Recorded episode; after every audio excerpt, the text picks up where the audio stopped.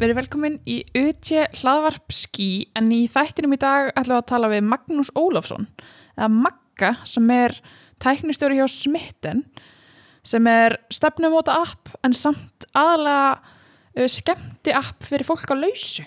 Já, og við ætlum að tala við hann um uh, The One sem var það sem þeir byrjuðu með stefnum á appið sitt og svo hvernig þeir transisjuðu yfir í Smitten sem er núna á íslensku markaði en er uh, hægt og rólega að fara að mjaka sér yfir á erlenda markað. Já, og er bara app sem ættir að sækja í bæði Android og Apple mm til þess að kynnast nýju fólki og hvað sem það er bara til að eignast nýja vinni, um, hitta framtíða maka eða bara einhvern til að hitta lögðurskvöldi. En þetta var einstaklega skemmtileg yfirferð á bara stefnumóta app-markaðunum og hérna vekkferðinu sem þeir hafa farið gegnum, sérst frá að þeir stopnuðu The One og til þess að þeir eru með smitten í dag en þau eru að stækka við sig. Þau eru stækka við sem Maggi er búin að vera einn forritari hjá þeim núna hunga til og hérna, þau eru um þetta að stækka við sig í, hérna, tólmanna teimi ef mér skallast ekki. Já, þannig að einstaklega skemmtilegt að hérna, kafa ofan í þetta.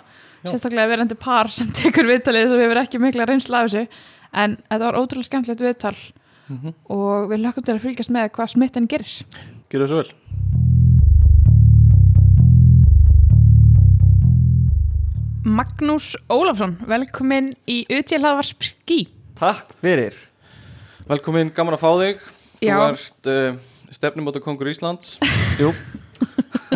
Það er nafn mitt. Mættir með rótsterkan kaffibólla Mm. hérna á sunnudagsmorgni. Já. heldur betur góð stemning.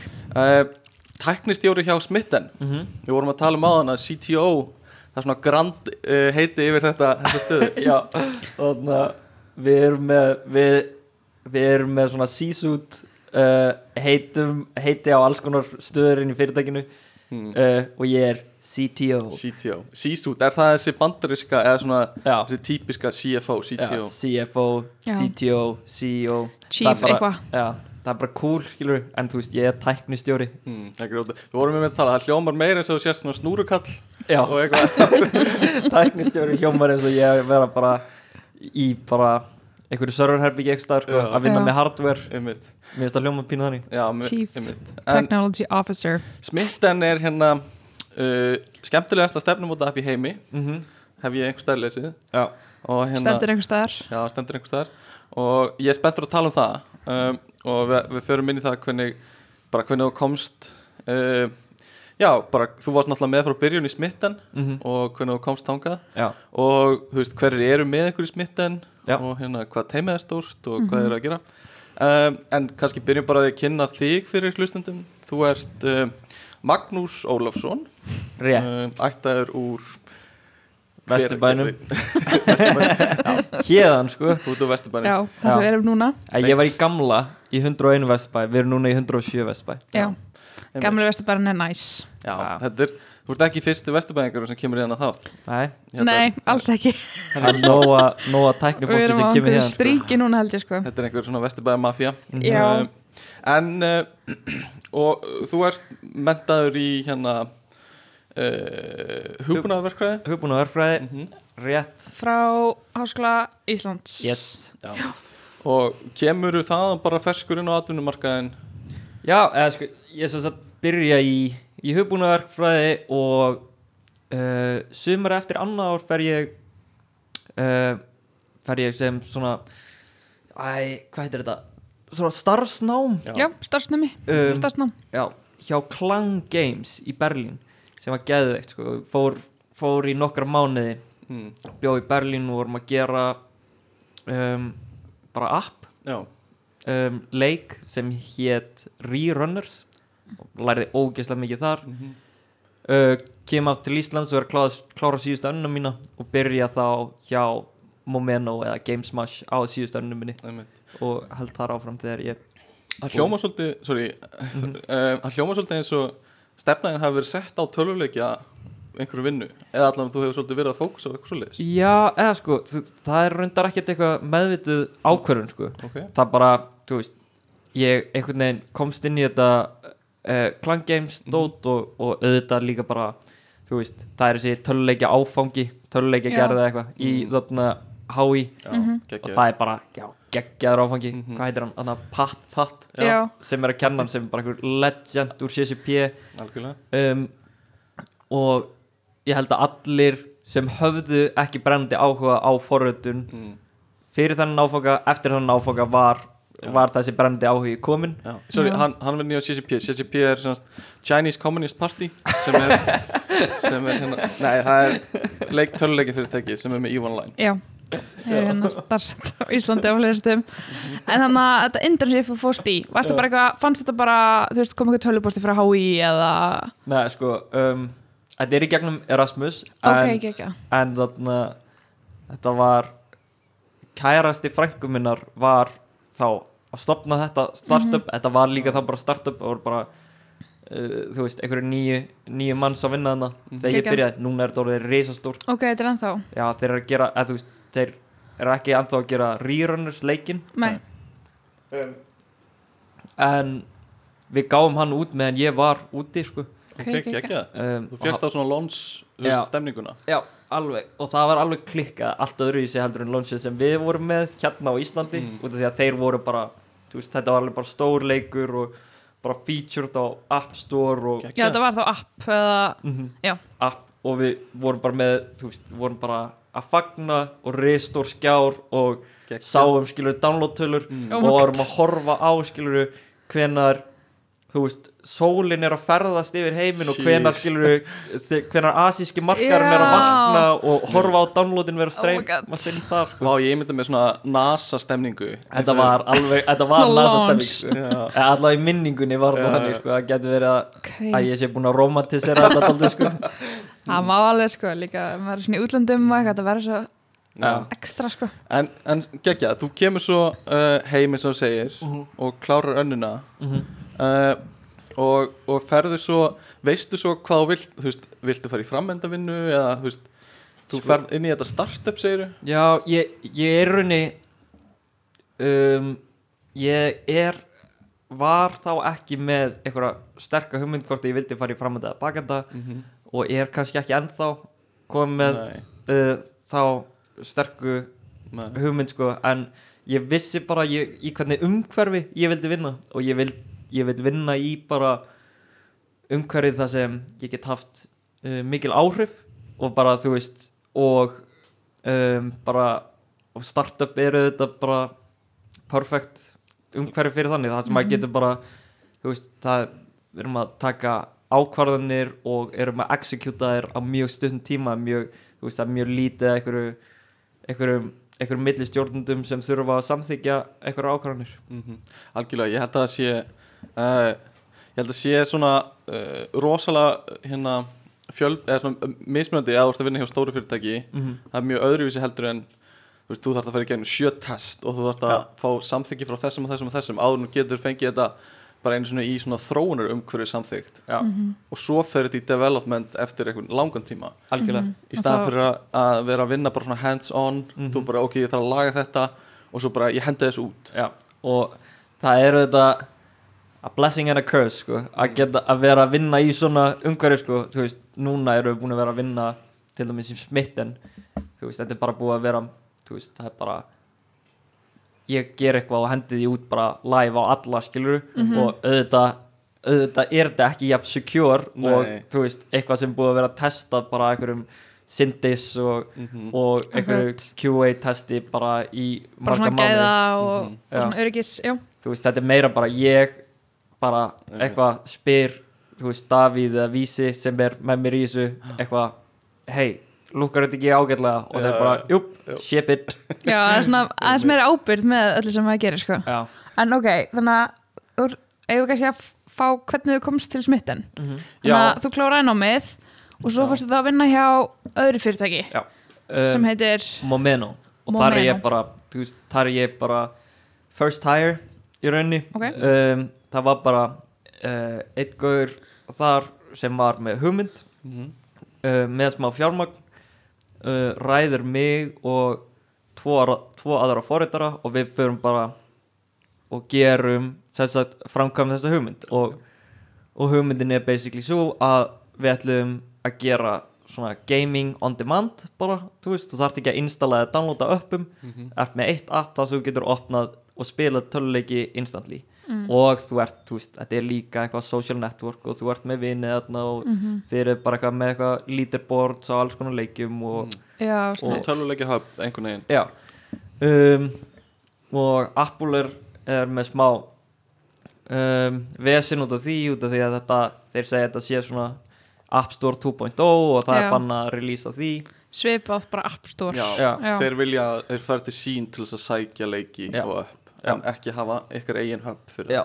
og þetta er og veist, þetta er þetta bara skiljalegt út af því að veist, það er ástæða fyrir því að það er ekki veist, klám upp inn á App Store út af því að þeir eru bara eru búin að kjóra þetta og þeir eru bara búin að fara í gegnum um, öll upp og passa að þau eru sér up to standards og, og það eru alls konar bara séðarreglur sem það þarf að fylgja. En þeir, þeir eru að reyna að missa þetta vald hjá okkur út af því að við getum bara verið að pusha leikjum inn á okkar app og þar á leiðandi bara setja þér stopp við það og við pivotuðum sagt og fórum ætluðum að gera um, eitthvað annað sem er reynda mjög svipa á TikTok. Já, breyttum um stefnu Já, Já, og breytum stefnu sagt og þá för ég yfir til The One. The Ok. one. The big, er- The big boy. The Big Boy. Sem The er, og var það bara af, þú veist, hérna mómin og var það bara Íslands líka eða? Já. Já, ok, og í ferði yfir bara í hafnafyrinum Það er er eitthvað, geggjað. Og svo ferði þá yfir til The One sem var þá til. Og var Eh, það fyrirtæki eða, Nei, eh, sko, The One var ekki til. Nei, Vi, Við vorum bara, það var það var ennþá mjög miklu byrjunastíði sko, en það var búið að gera eitthvað rýbó sko. Og já, Já, Repo er semst svona kóða geimsla fyrir, fyrir alla forrutuna kóðana sem þú varst með. Þetta var kannski bara svona pet project, þannig séð. Já, bara þetta var bara svona ykkar gæluverkefni. Mhm. þá bara samlega vinnum eða var einhver í þessu alveg, Nei, ég held að það hafi, það var engin í þessu full time sko. Nei, um, allir að vinna líka. allir að vinna líka, þetta var bara helgar project í raunni bara svona klassíst sem að veist, mörg fyrirtæki byrja. Algjörlega. Bara svona allar helgar og öll kvöld Mhm. eitthvað. En The One, þetta er líka stefnum út að eh, hérna, að það ekki? Og áhersl, hver voru áherslunar í The One? The One er sem sagt bara serious dating app það er bara bara alvöru gefið uh, stefnumóta app fyrir fólk sem er að leita sér að langtíma maka bara Já. um, Og, og sorry, á þessum tíma, hvernig voru svona stefnumóta app heimurinn? Þá var Tinder í gangi og eitthvað svona Tinder í gangi og það eru náttúrulega helling að dating appum til Já. sem eru bara fárlega successful Já, ok. en það er einhvern veginn Norðurlöndin eina eina stefnumóta app sem hefur einhvern veginn náð góðri fótfestu á Norðurlöndum er Tinder Já, en þú veist, í bandaríkjunum og ann annars þar í heiminum Já. er fólk að meðaltali með bara svona 2-3 dating app á Já, síma ok. okay. Hvaða fleiri öppur notuðu hérna heima, um, Er Grindr hérna heima?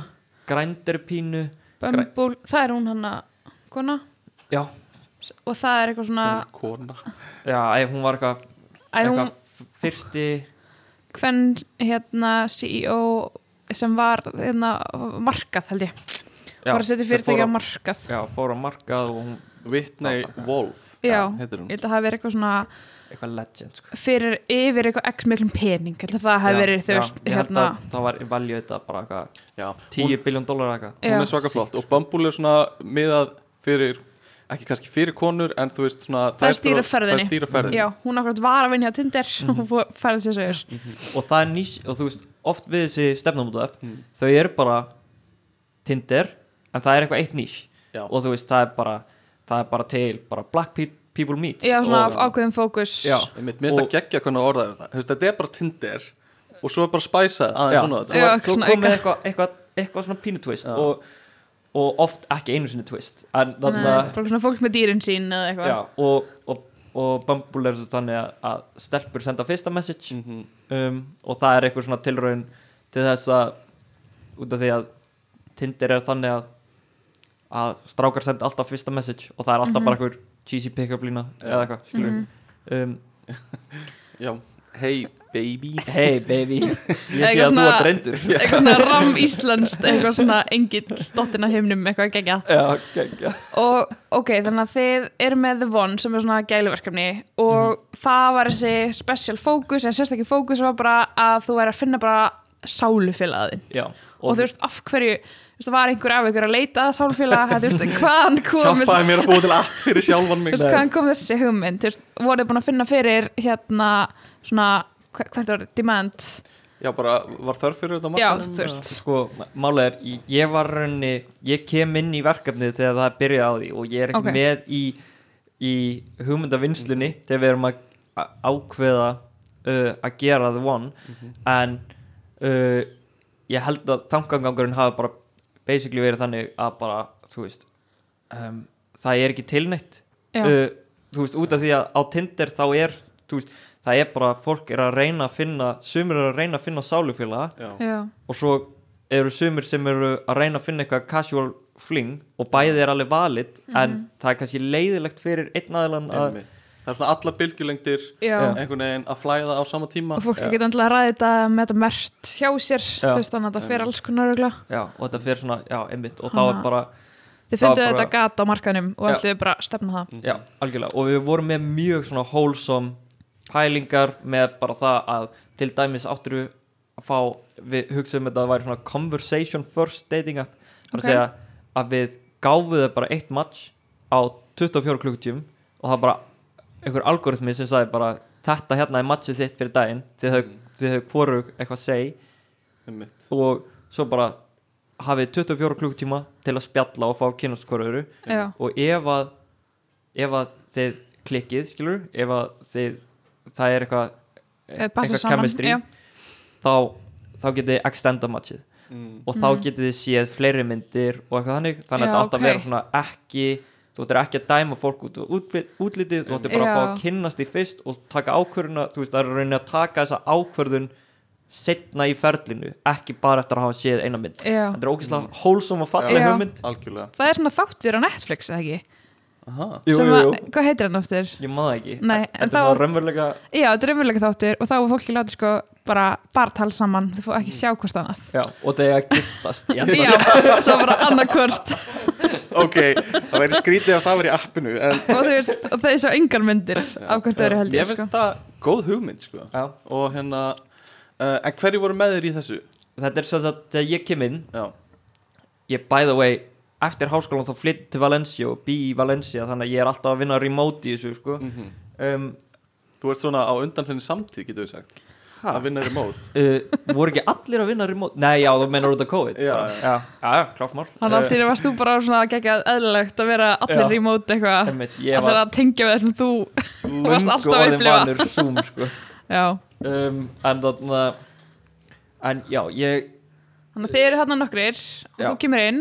Ég kem inn það er þá, þá er sko búið að vera framöndaforritari og, og þarna og bakendafórritari að vinna í þessu projekti og ástæðan fyrir því að ég kem inn er út af því að bakendafórritarin, nei framöndaforritarin sem búin að vera að vinna í þessu er uh, bara eitthvað að eignast batn og, og er bara, hefur ekki tími í þetta Nei, af því að þetta er líka ekki fulltime vinna Nei, þetta er bara, þetta er bara um helgar og, og eitthvað um og kvöldin. það bara að gera þetta án þess að fá greitt? Uh, Já, og bara, þú veist það var bara fyrirtæki kringum þetta og það var bara svona Mhm. og það var búið að stopna fyrirtæki? Já, ok, það var bara svona commission based dæmi, bara Ok. fengu, eða fengu bara, þú veist, bara stock options í rauninni. Einmitt. já, þannig gæti keft hlutabrif Já, ef við fengum bara í rauninni hlutabrifi í fyrirtæki já, skilur. bara eign í félagin Já, Ok. uh, og unnið ykkur upp í það. Já og svo uh, svo hætti bakendafóröldarinn þá er ég um, komið með bakendar og framöndan og er bara einn að developa þetta og við gefum út skilur hálfa ári setna eða eitthvað. Og Hvernig finnst þér það að vera bara þú veist, ert þú þá eini forritarinn í rauninni á staðnum já, og ert bara með allt og þú veist með Já. bara hvernig finnst þér að sjá bara þúsund verkefni og þú bara, ok, ég þarf að díla við þetta allt saman uh, þú veist ég, ég, ég þekki neitt annað sko. Nei. ég hef alltaf verið einu fóröldarinn Ok, ok. þannig að ég hef ekkert hef ekkert viðmið þannig séð Ertu ennþá eini forritarinn? já, Er ok, það? og byrju það er, mér, mér finnst bara teku ofan fyrir þér, skilur. Pældi ég hvað þú átt uh, líka hérna, átt þátt í mörgum deytum hjá fólki sko, og líka bara pörum. Það er Og fólk er, bara, fólk er bara að byrja að para sig saman Já. og, og þetta er, við erum með svona á Slack samskipta fórðun okkar, þá erum við með svona channel Já, sem heitir Success Stories. Ok, það er bara, og þar Kæ- ef við heyrum eitthvað, þú veist, Já. eitthvað eh, að eitthvað sé búin að finna eitthvað eða eitthvað par eða, eða eitthvað successful date eða eitthvað date sem gekk vel, Já. póstum við þangað inn. Og það er, geðveikt. það er svo gaman að heyra Ok, um svona pör sem er að myndast þegar ég sagði að þú verið stefnum á kongur Íslands þá var ég ekki alveg að fatta hvað það þýtti en Það, ég, er, stefnumóta- ég er stefnumóta kongur Íslands sko. mjög lélegur í þeim sjálfur í personu sko, en, en ég er góður á baka Já, tjaldin þú ert sko. svona puppetmaster inn Já, að gegja, ég fíla það. og byrju, hvað er þá hinn að gera uh, sem eru já, ekki ok. fórið Hverjir eru með þér, ef við byrjum það bara, hvað eru nöfnin á, á Já. og erum við sérst komin þá í erum við ennþá í The Enda One? One. ok, Við skulum klára one, Já. taka svo smá svona spurningar og Já. fyrir svo í smitten já. kekja um, við erum uh, í The One þá er það bara ég, Mhm. Davíð, Örn og Ásker Vísir. Ok, og hann er kallaði vísir. Hann er kallað Vísir. Um, eða The Visor eins og ég kalla hann stundum. Um, Ok, um, en já og Vísir er sem sagt hönnur og, ok, og hann er ótrúlega góður hönnur Já. en styrkleiki hans er í rauninni bara svona UX svona upplöfunar hönnur í rauninni já, svona notduflegin Mm. Já. og hann já, er ok, ótrúlega hæfileikar ykkur í því ok og Davíð í rauninni líka sko. Davíð er, er líka rosalega góður í því en, en þú veist ábyrðin hjá Vísi er teknilega séð að vera hönnur Mhm. og Davíð er bara í rauninni þú veist framkvæmdastjóri hann er gaurin sem sendir e-mailin skilur Mhm. um, og þarna en, en þú veist svo út af því að við erum bara þrýr þá erum við allir bara með mjög mikið að höttum skilur Algjörlega, já, hvar falla þú veist markasmálin og almannatengsl og á Svona. okkur alla sko. Við, alla, ok. við erum bara bara brainstorma eitthvað og prófum eitthvað og, og gerum eitthvað og, ég, Mér finnst það svo geggjuð hérna orka einhvern veginn, Já. ég bara finna hana einhvern veginn bara hérðan sko. Þessi þú veist við, við viljum gera þetta, við ætlum að láta ganga. Já. uh, bara go for it. Við erum, við erum með þú veist, við erum með hattaskáp og það eru bara þúsund hattar á okkur öllum. Og hérna bara grýpur eitthvað í morgunsárið og fylgið út daginn. Og ég held að þetta sé, finnst þetta ekki vera bara þú veist, bombu reynsla einhvern veginn. Þetta, er, þetta er auðvitað ótrúlega mikið reynsla og, og, en fyrst og fremst er þetta bara ótrúlega skemmtilegt já, út af því að já, maður er bara fær reynslu af öllu skilur Mhm. og bara reynslu af markasmálum skilur Einmitt. og bara einmitt. og hvernig á að reka fyrirtæki mm og svo auðvitað greiðaleg tæknireynsla. Mm. um, en þú veist og þetta er búið að vera ótrúlega skemmtilegt Mhm. og þetta er ógeðslega skemmtilegt en ég finn það samt alveg ég var alveg til í að fá 1-2 aðra forrindara með mér Já. Já, já. þetta er byrjað að vera svona doldið mikið og, og, og þarna og við tölum alltaf um það líka mm. þrátt fyrir að það er mikið að gera og við erum mikið að vinna að þá eru alltaf bara þú veist uh, mjög mikilvægt fyrir okkur að vera bara með heilbrygt work-life balance og þú veist það er alltaf bara fjölskylda nummer eitt og vinna nummer tvö Já. og það er gott að þú veist út af því að það, er, það gleymist oft í svona einhverju startup uh, þú veist hugafarinu Já. hugafarinu Já. og það er bara allir bara já heyrðu vinna allar helgar nótt. húsið þitt og eitthvað svona Já. all-in eitthvað og það er alltaf litið á það sem einhvers konar já, flott, en Einmitt. maður finnur alveg að svo, það hugafæri er alltaf að breytast og, Mhm. og við erum þú veist, við, Mhm. við viljum að þú veist, að makar okkar eða fjölskyldur þurfa ekki að líða fyrir það að við séum í Einmitt. einhverju svona uh.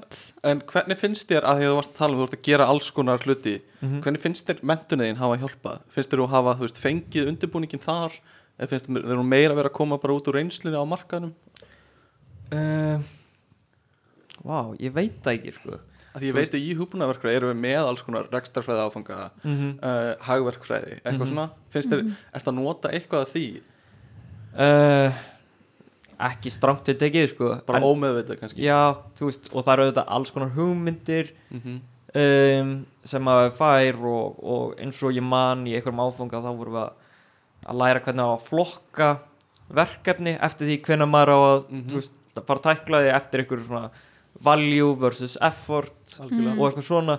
Og þú veist, og maður gerir það þetta ómeðvitað þrátt fyrir að við erum ekki með sömu þú veist, Gantt chart eða whatever skilur sem Já, við vorum að já. læra um í skólanum. Einmitt. um, ok, já, mér finnst það hérna hljóma mjög spennandi og, og hérna erum við, erum við að taka spurning, hraðaspurningar núna áður en við förum að pivotum yfir í spintan let's Til að þeim mér finnst svona, svona á, á hérna uh, hvert samtalið er að fara? Við séum bráðum að fara að færa okkur yfir okay. Ok. Um, Tæmdi hugan, alltaf tómur. Það er gott. Vilt þú spyrja það og ég spyrja? Ég skal taka fyrirpartinn og þú mátt taka setni að því við erum með forritara. Ég er stressaði fyrir þessu. Þú ert alls ekki að vera Þetta er, þetta er mest bara eitthvað svona fílaru uh, gírafa eða fíla. Fíla. Já. next. Nákvæmlega Easy. Ok, við byrjum núna. Android eða Apple? Apple. Útliti, útliti eða notagildi? Notagildi. Kaup á netinu eða kaup í persónu? Netinu. Bíómyndir eða þættir? Þættir. Hundar eða kettir? Hundar. Tölvuleikir eða borðspil? Borðspill Elda mat eða kaupa mat? Eldamat uh, Over ír hirtnatól eða inn ír hirtnatól inn ír Snjallúr eða heimskúr snjallúr Taka fund eða senda tölvpost taka fund. Go to fréttameðil vísir.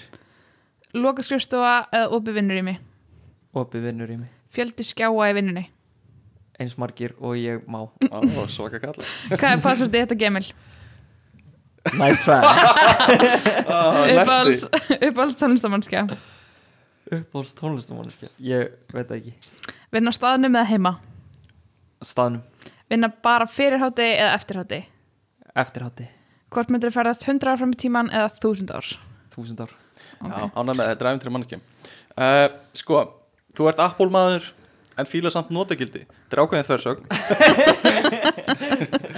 uh, Nei, ég er ekki reynd sko já ég er mikill mikill fanboy sko. Já, en ég er samt öruglega að fara að færa mig yfir í Linux frá Mac OS sko. Já, einmitt uh, Já, það er svona ég, ég, Allir í vinninu minni sko er á Linux Já. En ég er á Maca Þannig að Já. ég er svona odd one out Þekki þess tilfinningu uh, Og þú ert hérna Taka fund Já, tekur fundi já sko ég hugsa út af því að og líka að mæta á staðin frekar en fjárvinnu Mm. ég er búinn að vera remote vinnu í fjögur ár Algjörlega vann heima hjá mér í eitt ár og það endaði bara á því að ég var bara á nærböksunum bara í viku streitt mm. og þú veist ég þarf að hafa einhverja ástæði til að fara í styrta mótuna og, og. Mm. drífa mig út sko Sérstaklega líka í örgulega startup þú veist, umhverfi Mhm, þú veist, þú ert þá bara alveg að stjórna þínu veist, það er kannski öðruvísi eins og hjá mér í vinnunni Mm. Þú veist, þá er ég alveg að mæta einhverja fundi þar sem ég þarf að lúka svona eitthvað aðeins næs Mhm. eða svona líka bara upp á, þú veist, self-esteemið Mhm. að geta tekið fundina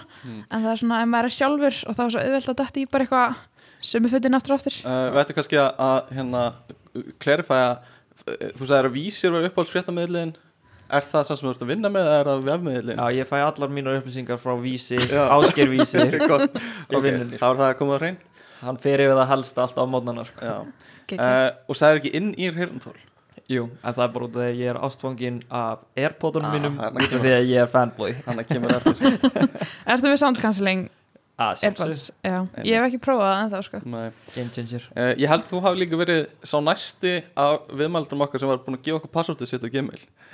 Það var að- að- að komið á tunguna. Nei, ég, ég veit það ekki einu sinni. Maður á að vera með one password og þetta er allt auto-generate og ég veit ekki hvað Já, er mjög Það er hárið Ok, vinna eftir hátti, er það ekki svona Sko, þetta er, þetta er pínu fyndið út af því að uh, strákarnir upp í vinnu mm. Davíð og Vísir, þeir eru báðir uh, eiga báðir tvö börn eða Vísir, uh, barn, annar barn á leiðinni og, og. Davíð á tvö börn og þeir eru mjög mikið svona uh, vakna snemma Mhm. mæta snemma Mhm. og ég bara, þú veist ég er á ekki börn skilur og Nei. er bara alls ekki þar skilur þannig að ég er líklegri til að vera mæta setna og, og þannig en um, við erum með mjög þú veist, flexible vinnustað og, og það er bara vinnu, vinnan aðlaga sér dóltið bara að, að hva, hverjum og einum sko. já, já. ok. Um, ertu uh, ertu, hvað áhuga mál ertu? Ertu mikið að þú veist, tölvuleiki eða ertu í þú Sko- veist, hvað gerur um, svona helsta áhuga máli mitt Mm. síðastlið ár er búið að vera bara elda. Já, eldamennska er, er nýja uppáhaldi mitt mér finnst það reyndar ótrúlega leðilegt að þú veist, ef það er ég þarf að elda pasta Mhm. og það á að taka 20 mínútur og það er bara til þess að fá næringu í líkamann Mm. þá finnst mér ekki skemmtilegt en þú veist, ef ég fæ sunnudaginn Mhm. bara í að finna einhver næs hráefni og fara að gera eitthvað framandi skemmtilegt mér finnst það geðveikt sko. svona nostra eins og matinn Já. Súrdegsbrauð og súrdagsbröð einmitt, ég tók tímabil þar sem ég var mikið að spá í súrdagsbröð og þetta er, þetta er miklu meira um, ég, ég takla þetta frá mjög svona vísindalegu uh, vísindalegri nálgun þar sem ég er veist, að skrá allt niður og, og ég er að gera próf og, og alls konar svona Uh, þúsund ár fram í tíman, hvar sérðu datingleikin eftir þúsund ár? Heldur að fólk sé bara mattsa automatically við einhvern gæja? Já, bara við fæðingu þá er búið að hafa einhver algoritmi búin að Mm. finna maka fyrir þig Mjög dystopíst, en myndi maður fíla þetta?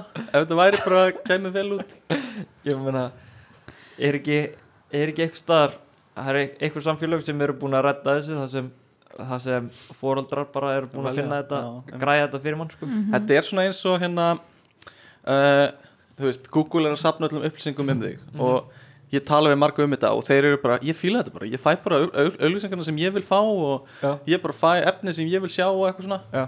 þetta er svona, þetta er sama pælingin eftir þúsund ár, þá fáum við bara makan sem við eigum að fá út af því að, þú veist, kerfið þekkir okkur það vel einmitt sko, og ég er að vissu leiti á þeim vagni mm. þú veist, bara þú veist, ég væri frekar til ég að fá auglýsingar um eitthvað, eitthvað hnífasett frekar en um, þú veist, eitthvað sjampó Já, og ég fæ það út af því að Google þekki mig. Já, en að sko og auðvitað er þetta mjög hættulegt út af því að Mhm. fólk festi í einhverju bublu. Mhm.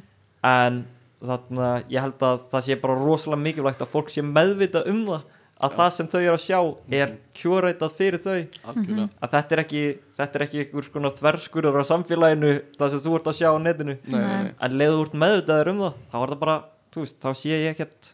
Einmitt. Uh, Ef að bomba í bara mjög stutt bara nokkrar forritunarspurningar sem eru hérna uh, aðeins fyrir þessa eðal luxusgesti sem stunda þessa fáiðu list að forrita. Þannig að hérna um, við byrjum bara auðvelt. Ertu, ertu reyðbúin? jeps, Mest notaða forritunarmálið þitt? Jáskrift PC, Mac eða Linux? Mac, Tabs eða Spaces Spaces. Kommenta jafnóðum eða retta því seinna? Rættaði senna, Stack Overflow eða Stack Overflow? Bæði. Go to nafn á fyrstu temp. Breytu temp, okay. Frammyndi eða bakendi framöndi Ú, halda fram í bakendan og þannig ok, þú veist einu fórhundarinn svona það sem þú hefur verið. Já, hversu mikið stress þú veist, ert að kommenta kóðin þú veist, ef þú væri að fá inn nýjan fórhundara myndir ekki vilja það? Bara fá bara svona hvað er í gangi? Hérna? by the way ég, við erum núna Mm. að ráða inn um, bakenda fóröldara og framendara fóröldara við erum að Ok. ráða inn svona fjóra fóröldara núna. Þannig að þú ert bara að- sveittur að kommenta kóðin by the way ef að þú ert hlustandi, kæri hlustandi eða þú ert, ert að leita þér einhverju mjög skemmtilegu gigi þá hafðu sabat, allavega mjög góða vinnustæður ég, ég myndi hérna uh, sjálfur segja mig og er ekki námi. Við erum að gera skemmtilegasta dating app í heiminum og þar að leiðandi gerum við skemmtilegasta vinnustæði í heiminum. Já, kekja en þarna já, ég ætla að koma að því að þú veist þetta er mikið súpa sem ég er búin að vera að gera sko.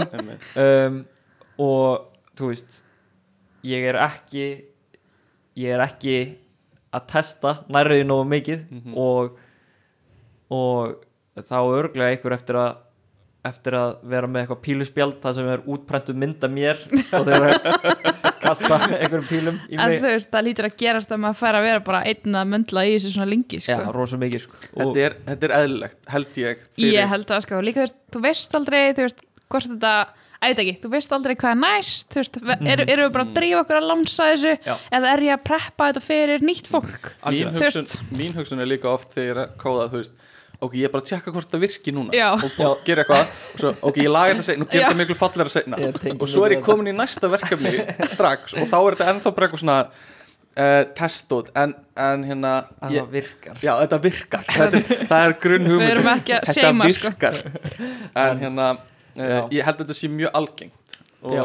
ég held að uh, og ég hef ekki náttúrulega verið á vinnumarkanum en svo ég, ég held svona eftir því sem maður er búin að vinna lengur og það er líka ástæða fyrir að stóru fyrirtækin fara kannski í 17 test fyrir eitt tilvík eða eitthvað svona. Mhm. að, hérna, að þau hafa tíma til að byggja það upp og þau hafa mannskapin í að veist, byggja það upp þau eru líka að ráða fólk sem vinnur við að prófa. Þú algjörlega, veist, þau eru með bara, þau veist, deild eða teimi í því, sko, algjörlega. Sem er kannski ekki forgangsætri í svona startup fyrirtækjum. Algjörlega. Og þú veist, við vorum að gera The One mm.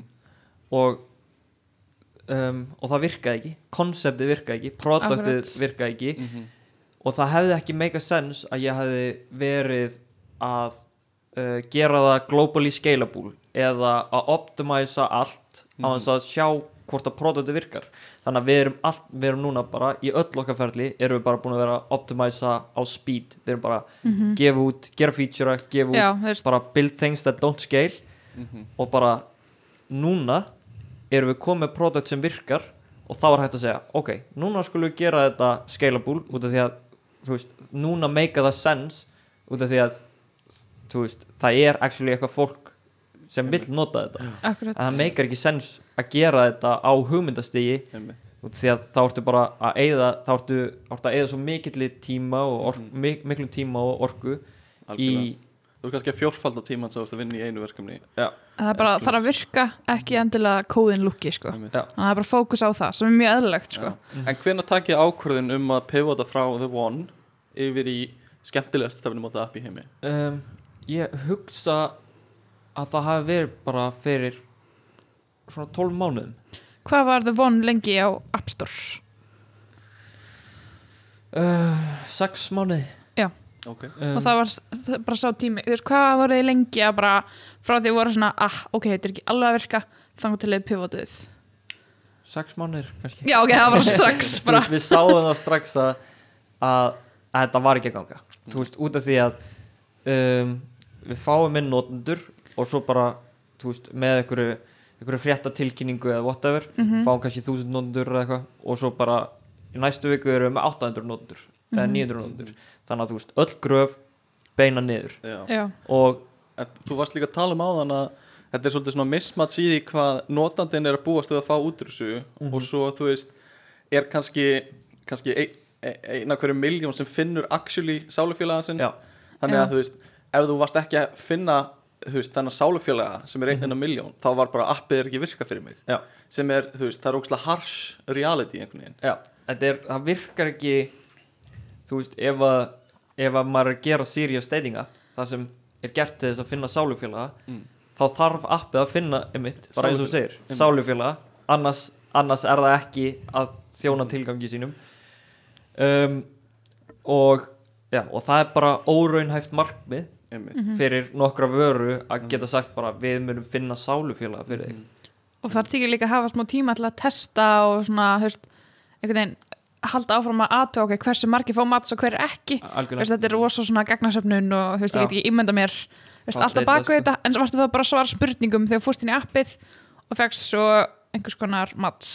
Já, eða sko um, Já, og, og líka eitt sem ég lága að segja að þú veist, ef að þú ert að leita þér að uh, langtímamaka þá finnur hann ekki. En, Ok. það, þú veist, en það gæti verið bara persónuleg upplifun hjá mér en bara, en bara þú veist leiðu þú hættir að leita að maka þá, þá kemur hann. Einhvern ég er er sammála rosalega- þessu sko. þetta er rosalega svona falleg írónía í þessu ég trú á að ég þetta var svona hjá mér sko Þetta er, þetta er að sama með hamingjunar sko. Um, maður, ef maður er alltaf að leita að henni þá Já. kemur hún ekki sko. já, þú veist, Heim- laser fókust á okkar sko? Heimsbyggi pælingar með er ný, nýtt innslag hjá okkur. Ok, þannig að þið pivotið yfir í. Þú veist, ok, segðu okkur, hvernig var þessi fundur? Bara, hvernig var ákvörðin tekin? Um, sko, veist, þetta er voru ekki allir að einn hugsa fundur. eitthvað og enginn sagði það, þú veist, hvernig var ferlið að pivota? Sko, þetta er ekki einn fundur þetta Nei, er, nei. þetta er, þetta er alls konar pælingar með hvernig við að gera þetta uh, veist, þannig að fólk nefnir að nota þetta mm -hmm. og svo eru við komið alls konar feature einhverjar hugmyndir og og allir þessir featurear eða hugmyndir voru að dra draga okkur svo langt, langt frá þessari hugmynd eitt match á dag voru að kynnast manneskunni og hérna uh, og vonandi eigiði hafmyggjusamt uh, líf restina af lífin ykkar Mm. saman skilur við um, Þannig að brainstormið var meira þú veist, eins og smittin er með leikjum með Já. eitthvað svona skemmtilegu og við vorum bara, eitthvað, já, heru, hvernig gerum þetta? Og því að þetta er, þú veist, þetta er leðilegt skilur við, Mhm, um, Mhm. hvernig gerum þetta skemmtilegt? Mhm, og og svo vorum við bara eitthvað, já, heyrðu, fólk uh, getur til dæmis það bara kemst að því á fyrstu tveim mínúturum að þau vilja ekki halda áfram þessu spjalli, þá var appið bara að getur ekki nota appið næstu 24 klukkutímana einmitt, Já. einmitt. og alls konar svona og við vorum bara ok, hei, hvað með að gefa þér þrjú möts á þremundum Mhm. og, og Mhm. hvað með alls konar eitthvað svona og svo vorum við bara komnir í svo mikið Frankenstein að við hugsaum bara þú veist, hættum að vera vera svona ótrúlega fókusaðir á þetta Mhm, og, og förum í bara að gera þetta bara að skemmtilegasta dating appi í heiminum. Einmitt. en sko og það er það er skilur hvernig við um, segjum þetta veist, komum uh, útskýrum appið og við, og, þú veist, við tölum meira sér ekki um þetta sem dating app við tölum um þetta sem bara entertainment app for single people ok, þetta, ok bara, þetta á bara að vera vera ótrúlega skemmtilegt ef þú ert single og Já. bara vilt kynnast fólki og þú veist bara embracea þetta single uh, líf Já. og bara og, og auðvita er það óumflýjanlegur uh, partur af því að vera single er bara að kynnast nýju fólki og kannski lendur í sambandi og, og eitthvað hannig en þú veist þetta á ekki að vera bara eitthvað hörmulegt, ég vil helst komast úr þessu Mhm, því að vera single sem fyrst þannig Mhm. ég geti dílítað þessu appi mhm. því að allir eru með gett mikið love-hate relationship með öll þessi dating app að þeir eru bara, ég er bara með þetta út af því að mér langar ekki að vera single. Já, en þetta er meira svona Ég vil ekki fara í samband út af því að ég er með geggjað app sem ég er með þessum já, já, þetta er ekki upplifunin heldur endamarkmið sem fólk er að fókusera á. Já, og þú veist við viljum hafa fókusin á destinationið Mhm. en ekki jour, eh, á journeyið, Já. ekki destinationið um, og líka og þú veist, og við, við áttum eitt mjög gott samtal, það sem við vorum að spá í það sem við tókum svona big picture Ok. um, pælingar, það sem við vorum að tala um bara dating in general og áður en að áður en að kom einhvers konar hugbúnaður sem hjálpaði þér við að finna uh, maka Mhm. þá var aðalvesenið hjá fólki uh, að bara þú veist, að eina fólki sem þú gast mögulega kynst var bara fólk sem var með þér í skóla eða bjóð í sömu götu eða eitthvað svona. Og svo kom match.com um, 95 eða eitthvað um, og það var í rauninni að útrýma þessu vesinni það var bara ógeðslega mikið af fólki sem þú gast átt möguleika á að kynnast. Mhm.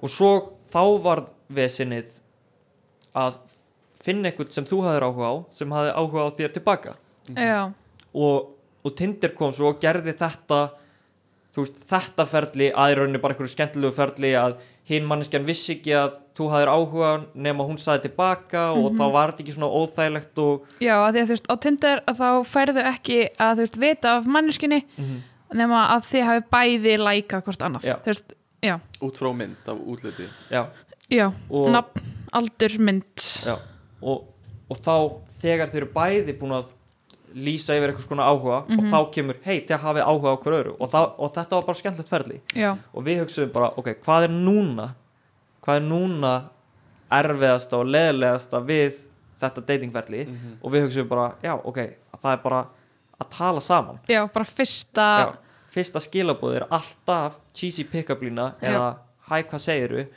eða þá að þetta byrjar í það er oft það sem Tinder samtöl byrja í svona um, næstu eins og atvinnuvital það sem bara eitthvað hvar ólstu upp, í hvað skóla varstu áttu börn veist, og fari yfir, fari yfir það helsta. Já, og þú svona reynir að, að leita svona hlutum sem þú vilt alls ekki Já. bara til þess að þú veist síja strax út regla. og, og við erum sem sagt, við erum að gera alls konar svona conversation starter leiki. Já, svona leiki sem þú getur spilað sem á þá að hjálpa samræðum í skemmtilegri átt heldur en cheesy pick-up línur eða eða bara, þú veist, að fara yfir eitthvað bara, þú veist að, að vera í ykkur atvinnuðtali sko. algjörlega já þannig að við okkur að við þurfum eiginlega kannski bara impra því að við Stefán erum í sambandi. Þannig að samræða þetta verða svona ekstra skemmtilegar með þetta en Já. við okkur að downloadum appinu á þann Já. og vorum að skoða það, sko sem er mjög skrítin stemning líka. En þú sér það rosalega mikið. Ég notaði Tinder fyrir uh, fjórum, fimm árum síðan og þá var það bara, þú veist, nokkra myndir uh, aldur og nafn. Einmitt og þú gast séð eitthvað svona stutt bæjó Mhm. þú skast skrifa eitthvað svona Bíó er lýsinga á já, lýsinga biography Mhm. bara eitthvað, þú veist, elska hunda á þrjú börn, mikið í ræktinni Mhm. sjómli, eitthvað svona stóð eitthvað svona skemmtlegt Mhm. en hjá ykkur þá er ótrúlega mikið af upplýsingum veist, þá ertu með mynd af þér, þú veist með nafn og aldur Mhm. auðvitað Mhm. en síðan ertu líka með bara eitthvað svona ótrúlega random upplýsingar Já. Já, veist- á svona kortum eiginlega, svona karts Já. Já, þá ertu með, þú veist, hérna bara Instagramið, þú veist með viltu bann um, þú veist, hvaða pæling var baka þetta? Sko um, þetta er auðvitað í þú veist líka til þess að koma í veg fyrir um, þetta að, að samtöl verða eins og atvinnuviðtöl Já. eitthvað, að fara yfir þetta helsta. Ertu, ertu að leita þér að langtíma sambandi eða ekki, skilur Já, já. Veist, til dæmis þú getur sagt, ég er að leita mér að casual hookupi. Og það er bara allt í lagi Mhm. en þá er það bara líka tekið fram skilur og það þarf ekki að fara í gegnum allt þessar, þessar praktísku spurningar þegar þú matchar við fólk. Akkurat. En svo líka eru skemmt, þú, skemmtilegar spurningar um, sem gætu þar alveg að verið leitt að mynda einhvers konar samtal eins og bara þú veist, eitthvað uh, skrýtnasti staður sem ég kom til og fólk er bara eitthvað, þú veist, Honduras eða whatever, Já, já, já. og þá bara, þá getur það verið það, það getur sprottið eitthvað samtal upp úr því sko. Akkurat. Þið voru með eitthvað svona, þú þurft að svara eh, nokkrum auðveldum spurningum, nokkrum miðlum spurningum Já, og svo nokkrum erfiðum. Og erfið spurningarnar gáttu verið bara eitthvað svona tengt kynlífi eða tengt einhverju bla bla bla. Já, svo kannski sett fun fact líka, þú veist, sem er öruglega conversation starter -hmm. Mér fannst ógeðslega skemmtilegt eitt sem við vorum með eða skemmtilegt, mér finnst það allan áhugavert sem var svona no-nos á, á hérna prófælneginum Já, svona leiðbynningar bara í ykkar appi Mhm. þú veist, fyrir fólk að lesa bara svona hvað það átt að gera og hvað ekki á Já, Þeir eru með are einmitt. some big no-nos people usually dislike on profiles. Já, Mér finnst það ógeðslega skemmtilegu listi. Ef, ef við getum farið aðeins gegnum hana því við erum á þessum stað. Ok. Uh, Fólk sem byssur á, á prófælinu sínum er no-no sem ég, sem ég stið uh, ekki vera á svona hópmynd af því fólk vil sjá, þú veist, hver, hver, Hver ég er að horfa Já, en fólk notar þetta alveg, þú veist, setja mynd að sæta veginn sínum. Já mynda. Og alltaf sami vinnur alltaf hvor er þetta? Giskaðu nú. Uh, Svo, já, mér, mér, ég finnst þetta geggjaða listi sko, af því þetta er svona, þetta er svo lélega típur af datingar sko. uh, ekki setja mynd með börnunniðinum og ekki setja mynd með fyrrverandi. Að setja mynd með fyrrverandi er bara cry for help sko, hvað er að gerast? Uh, og svo ertu með að þú ert bara með selfies sem ég lí- líka skil mjög vel að vilja ekki deyta einhvern sem er bara með selfies. Um, já, ekki lélegar hérna, eða gamlar myndir. Um, og svo er að svara þessum spurningum. Get, og það er hérna ekki svara bara með emojis. Þetta myndi pyrra mig ógæðslega mikið að sjá bara emojis við svörin. Því þú átt að svara með einhver svona orðum. Um, þannig mér er þetta líka góð regla eða svona uh, Guideline. viðmið, guideline. Uh, og svo ekki setja qualifiers for dating you semst eitthvað svona skilirði fyrir að deyta þig. Þú þarft að vera þetta hávaksin eða þú- átt ekki bíl, ekki tala við mig. Já, svona engir púlarar svona, það er svo classic. Ógæslega fyndið, svo náttúrulega bara svona uh, basic, ekki setja fake information uh, Já, og hérna skrif, já, grammatical errors. Það er bara ekki stafsitja vitlaust, takk ég man nú ekki eftir að hafa gert þannig lista sko. og ég, ég er kannski lesblindast í maður í fyrirtækinu Já, og svo er líka uh, ekki setja, ekki vera með prófæl sem bara snýst bara um dýrin þín já, Mér finnst það, góðar svona guidelines sko já þetta, er, veist, þetta er eitthvað sem uh, vísir Mhm. skrifaði hann hefur örgulega fundið eitthvað góða BuzzFeed grein Já. og, og pikkaði þetta sko. Alveg klálega sko ok en þú veist, kannski köfum okkur bara svona aðeins meira að því það er svo ótrúlega mikið sem er svona gamla ræðum þetta en bara þannig að við coverum örglega hvað er það sem að þú ert að gera bara í vinnunni? Í smitten? núna? Já, þú veist, hvað gerir þú, hvað er svona day to day sko, þú veist, þetta hefur breyst mjög mikið því við vorum sagt, vorum að klára fjármögnun. Ok, hann að nún sem gerur okkur klefta bara ráða hellinga nýju flottu starffólki og bara og gera þetta að mm einhverju alvöru dæmi. Er það ekki Um, fara inn í nýja skrifstofu líka? Jú, við, við ætlum satt við erum sagt þarna í KPMG húsinu Mhm. um, Í borgatúni? já, eru þið hérna sem allir sprotarnir eru? Já, Þetta heitir Musterið. Já, það er svona hæð bara Já. fyrir alls konar sprota, er samt ekki ágætt stemning þar? Mjög góð stemming, mjög skemmtilegt um, og núna erum við að fara að stækka. Við erum með bara pingu litla skrifstofu. Um, þeir eru náttúrulega bara búin að vera tveir þarna og ég út í Valencia. En núna er ég komin til Íslands og þá er þetta bara er þetta mjög, mjög þröngt um Já. okkur þarna um, og núna þegar við erum, við erum fara að verða kannski svona 12 um, á næstu vikum og 12 Vá. manns? Þeir eru Já. að fjórfald ykkur þá já, alveg, Damn. við erum bara að fara að stækka þetta skilur og voruð þið í seed funding eða er þetta svona næsta ránd þetta er sít já, þetta er seed, sem er svona Fyrsta fjármagnunin sem þú ferð í þegar þú ert með sprota fyrirtæki Já, við erum satt búin að fara í tvær aðra fjármagnunir sem er bara svona pre-seed sem voru bara í rauninni nótið þess að borga okkur öllum bara lámarslaun og Já, og voruð þið þá bara að pizza þú veist, í pre-seed voruð þið þá bara að segja frá hugmyndinni. Sko, en núna þú veist, eru þið kannski með eitthvað meira þú veist, Product. notendur og svona. Já í pre-seed vorum við að pitcha hugmyndinni fyrir The One sko. Já, ok, og svo ok. bara, svo bara uh, breytum við eftir að hafa verið Hvernig taka fjárfæstar í svoleiðis? Er það bara go for it eða er ég veit það ekki sko. Ég, ég held að ég held að það sé mismöndi eftir fjárfæstum sko. En þú veist auðvitað er það öðruvísi núna þegar maður er komin í um, eins og núna fyrir þetta sídránd þá við að taka inn fjármunni fyrir þú veist það er bara skýr markmið sem við ætlum að gera fyrir þennan pening. Og það er bara veist að komast á nýja markaði um, og ég hugsa að það erði mjög skrítið ef við værum allt í einu farnir að gera þú veist, eitthvað YouTube eða YouTube YouTube 2.0 eða bara einhvern, mhm. einhvern, einhvern vefleik Já. þú veist, breyta algjörlega um stefnu. En, uh, en í pre-seed við vorum í fyrsta lagi bara með ótrúlega og erum með ótrúlega góða fjárfesta sem bara hafa 100% trú á okkur og bara þeir eru í rauninni bara uh, veit okkur fjárastunning og líka bara ef við höfum eitthvað spurningar eða erum í ykkur vesina og getum við leita til þeirra og þeirra mikla reynslu og getur hjálpað okkur. En gefa okkur 100% sveigurum um að þú veist, að taka þær ákvarðanir sem við heldum að séu bestar.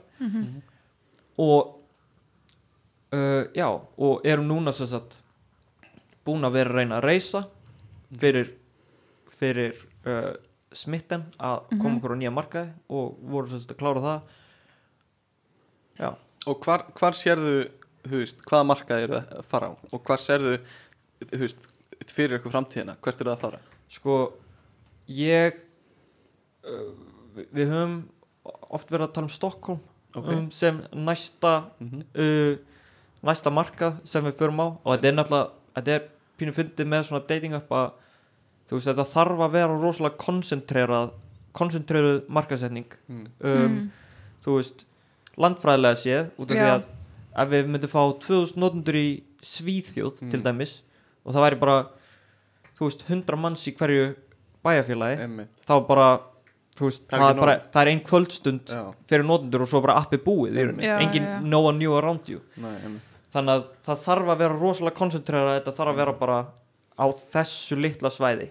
Er það svona venjulegt fyrir dating web að veist, taka svona veist, uh, basically svona concentrata að lunch, þú veist, fyrst Stockholm svo London og svo veist, eitthvað í bandaríkinum já, og svo kannski stækka, allan heiminn ekkert sem að segna algjörlega.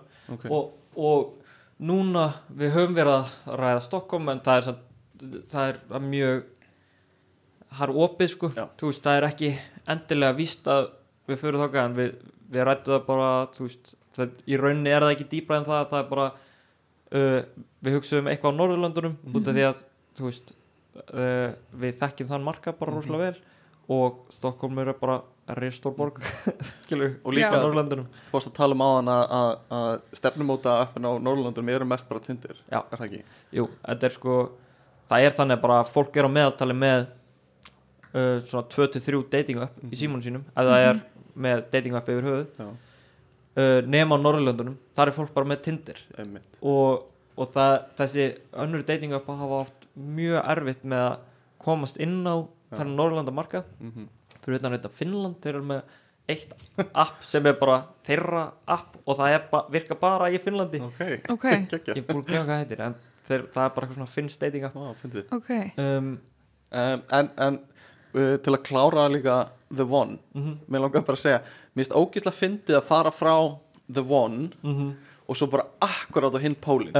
Þetta er, þetta er nefnilega veist, Þetta er algjörlega heitt, heitt og kallt einhvern veginn. Já, og hérna bara svona 180 turn. Já, 100% en einhvern veginn meikar sens að miklu leiti að því þú veist, þeir eru búin að sjá hvað virkar ekki Já. þú veist, í The One. Mhm. og þá getið einhvern veginn nota þá vittnesku til þess að þú veist, Mhm. Gera hvað virkar algjörlega. og, smitten. og þú veist, við hefðum aldrei getað gert smitt en á þess að hafa gert the one Nei, og þegar við lærðum svo ótrúlega mikið. Akkurat. Og þetta er oft það sem maður ég, ég sé oft uh, á Íslandi mm. að um, að það er bannað að gera mistök. Man, ég finn, finnst Já. oft eins og, eins og að fólk hugsar já, hérna var eitthvað startup og það virkaði ekki og það er bara það er vond, Mhm. skilur við Já. en það, þetta er í rauninni það, það á að celebrate það, þú veist, það á að, það á að upphefja það bara, já, ok, þau hérna var einhver hugmynd eh, reynd og það var bara mikil vitneskja sem fekk, þú veist, það er ekki þetta er ekki bara glatað þú veist, það er ekki, það er ekki vond að við gerðum the one, það er bara það er ástæðan fyrir því að við getum gert smitten Ég man eftir að- að hlusta á, á viðtal við Þorstein sem var með Plain Vanilla og Quiz Up að hérna hann var einmitt að tala um að svona stærsti munurinn á startupsinu á Íslandi og í bandarækjunum var einmitt þetta, að Já. í bandarækjunum var, voru þau búin að læra að mistök er, eru góð. Já. þú veist, að þú ert með tvö failed startup á bakinu þá ertu líklegir til að fá vinnuna heldur en einhver sem er semi-successful eða þú veist og Já, já. þú veist, þú er búin að læra það að þetta sé gott en á Íslandi er þetta ennþá þetta þú veist, Mhm. þú, þú, þú Fail. klúður- fail já, einhvern veginn og stimpillin bara failed, bam Mhm. um, en hérna uh, já, þeir eru að fara á, á stærri markað og stækka teimið ykkar En markaðurum þá núna er bara Ísland já, við erum bara á Íslandi núna Já. og það bara gengur fárlega vel. Mhm. Og þú veist, appið er á ennsku en fólk er svona að blanda það sem það skrifar á íslensku og ennsku okay. Og er, eru þið búinir að prófa að fara? Með minnir eins og það hafi eitthvað verið að tala um Boston, voru það einhvern tímann í Boston? Er það eitthvað? um, já, við höfum mikið verið að ræða en ég veit ekki ég vissi ekki að við, það hefði farið út fyrir veggi skrifstofna þú verður með eitthvað bug. Já, greinlega, ég veit ekki akkur ég veit það. Ég man ekki eins og vikni var að tala. Já, en, en jú, jú, jú. Já, það gæti verið að ég hef bara verið að tala um þetta við þig. Um, Ok. en þarna en jú, það er, það er alveg pæling að að fara til Boston líka um, og þarna og það er oft það er oft þægilegt að fara í borgir sem eru með svona mikið og stór, stóra háskóla já, Já, já, já. og, það er pæling bara sem fara í gegnum háskóluna. Já, en hérna það er bara þannig sem Facebook byrjaði líka mm bara Já. háskólamarkaðurinn tekur við sér svo snemma eða og. Tinder líka sko Tinder það. gerir þetta líka að fara í gegnum háskóluna og þetta er oft svona mjög mikið svona jumping point fyrir svona social media upp Ok, eða svona upp sem eru sem þurfa mikið mannskap einmitt.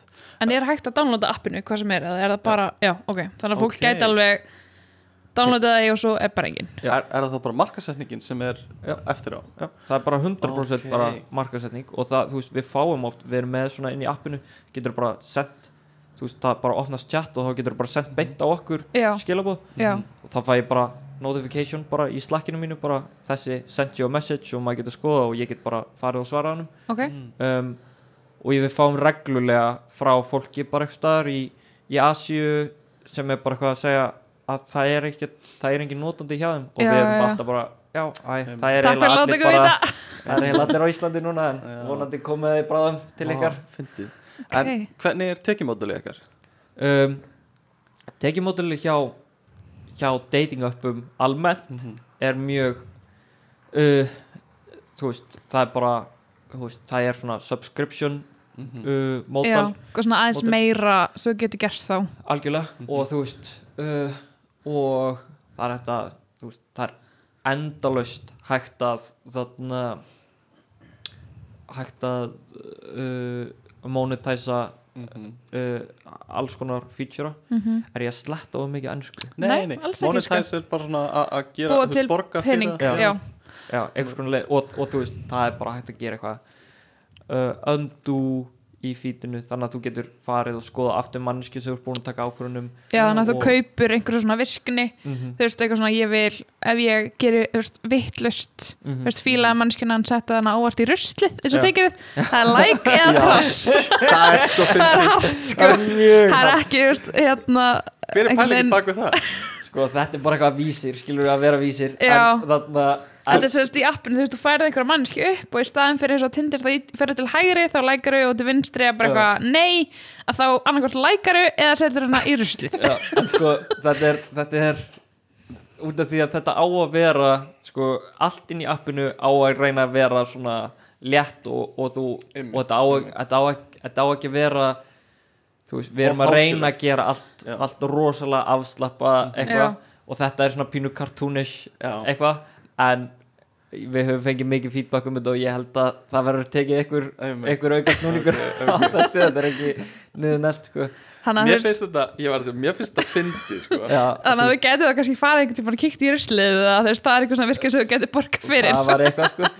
Og, og, og við erum nú þegar skilur við bara að byrja að þarna um, fólk getur greitt fyrir áskriftin í appinu. Já, og það getur séð hverjir hafa uh, lækað sig já, án þess að þú hafi lækað þau eða Já. þau hafi byrst hjá þér Já. Og þú veist, erum með þú veist, 500 manns eða eitthvað sem er að borga fyrir það Ok, uh, mánaðleg áskrift kostar 22 dólar eða eitthvað slis og það er hann að spotter, er það ekki? Jú, ég ja. sé þetta, ég er sem ekki að fylgjast með áhrifavöldunum sko. Að það var eitthvað svona verið að gefa aðgang sem spotter Einmitt. Mhm. uh, og þetta, við kallum þetta spotter en Já, getur það verið svona gjafalegur? já, eða sko, þetta er reyndar þetta er algjör snild sem við erum með í appinu þó ég segi sjálfur frá. Mm, þetta er skemmtilegast app í heim við erum með svona við erum með svona dót sem heitir Secret Machine.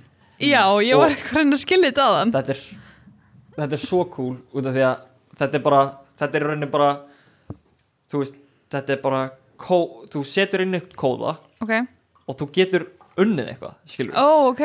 Og við erum með alls konar svona secret kóða út um allt skilur Já. sem er bara eitthvað, þú veist, bara einhver, einhver, einhver strengur, einhver texti sem er Já, bara já, uh, eitthvað. Og, og þá ef þú setur inn kóða sem er réttur mhm.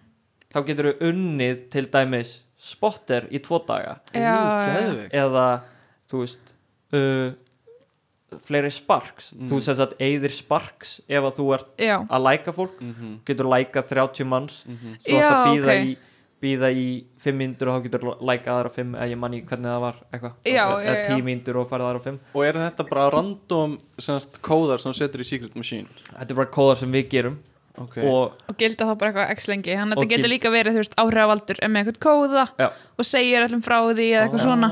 Og þetta er bara svona þetta er, þetta er algjörlega genius. Og það, það sem við erum þannig að fólk getur glemt sér í þessu og Já. setja inn eitthvað 1, 2, 3, Og- A, B, C já, og líka það sem við erum að gera skilur er bara þú veist, stundum bara tweetu við bara Mhm. hérna er code drop bara hérna setjið þennan kóða Ah, fyrir snill. fyrstu 20 sem setja þennan kóða fá fá, þú veist, eitthvað Einhverja gjöf. Já, og það bara, þú veist, það er auðvitað hvetur líka, þú veist, bara frá svona markasjónarlega Algjörlega. hvetur fólk til þess að vera að fylgjast með okkur Akkurat. online pressunum hjá okkur Já. og líka þetta er mjög snuð til þess að gefa áhrifavöldum eða þeir vilja gefa okkur gjafir og eitthvað svona hvar eru þið á samfélagsmiðlum?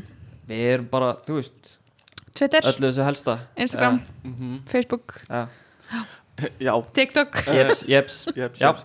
TikTok líka. Já, Við erum ok. að reyna að koma okkur inn á TikTok meira sko. og.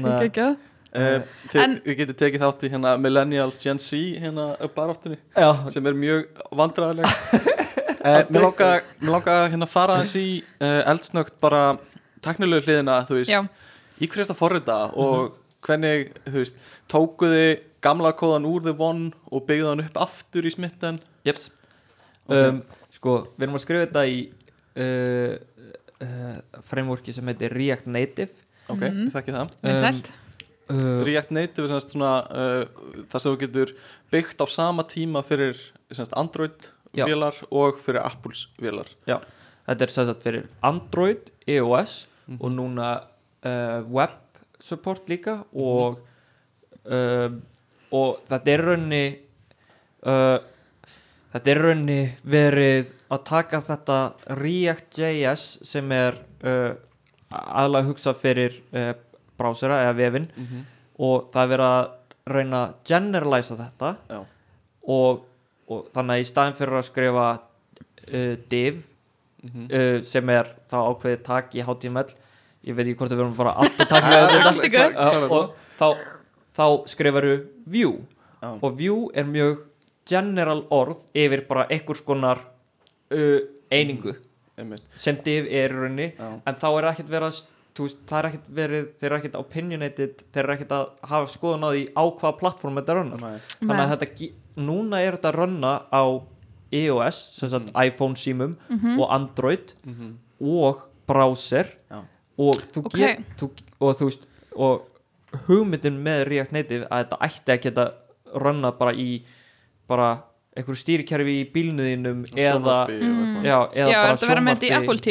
Já, og ég held að það sé mér að koma með eitthvað svona Apple TV support og, og Apple Watch support Ok. og þú veist, út af því að þetta er bara hugsað sem ekki fyrir eitthvað sérstakt plattform Bara Nei, hann universal. bara forritar já, be- vöruna og hún virkar á Já. mörgum stöðum Já, grunnurinn er þetta, þú veist, þú þarft bara að skrifa einn kóða Já. og hann fer út um allt já, en fyrir það þá þurftur að skrifa basically heilt app fyrir Android og annað app nýtt fyrir já. já, iOS síman, hérna Apple símana hérna Mhm. og fleira og fleira en sko en það er líka margt við, þú veist upplifunin sem Android notandi býst við Mm. er ekki eins og upplifunin sem sem iOS notandi Nei. býst við Nei. og það er líka mikilvægt að geta gefið þessar mismunandi uh, upplifanir Mhm. native upplifanirnar já, og, og það er líka lítið mál þá að Mhm. skrifa þá bara native kóða einmitt. Eða þá bara að Já. hafa bara tvo fæla bara þessi hérna er fyrir Mhm. iOS og þessi er fyrir Android. Já.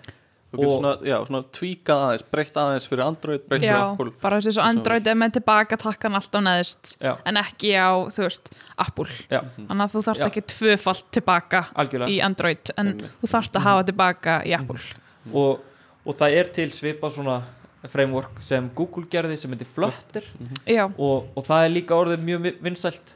En var það ekki bara upp eða var það meira? uh, þeir eru núna komið web support en það Ok. var bara uh, held ég bara fyrra á þessu ári eða sent 2020 sem Já. þeir release web support.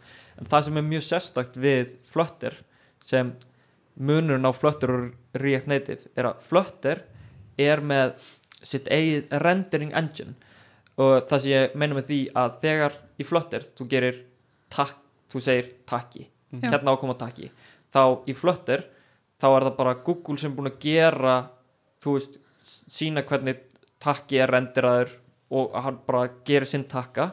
Mhm. en í React Native ert í rauninni að segja við iOS hérna á að vera takki og þú ert að segja við Android hérna á að vera takki og það verða native takkar Mhm. skilur sem kom frá stýrikerfinu. Þannig að ef stýrikerfið uppdatast þá uppdatast kannski lúki á takkanum. Já, já, en, en Flutter er með sitt eigið bara rendering engine, þeir bara rendera sitt eigið dót. Einmitt. og þeir eru með alls konar svona uh, Flutter er með alls konar svona já, eins og það eru alls konar takkar eins og bara toggle eða switch í iOS sem er svona uh, svona slæta on-off dæmi svona on-off takki.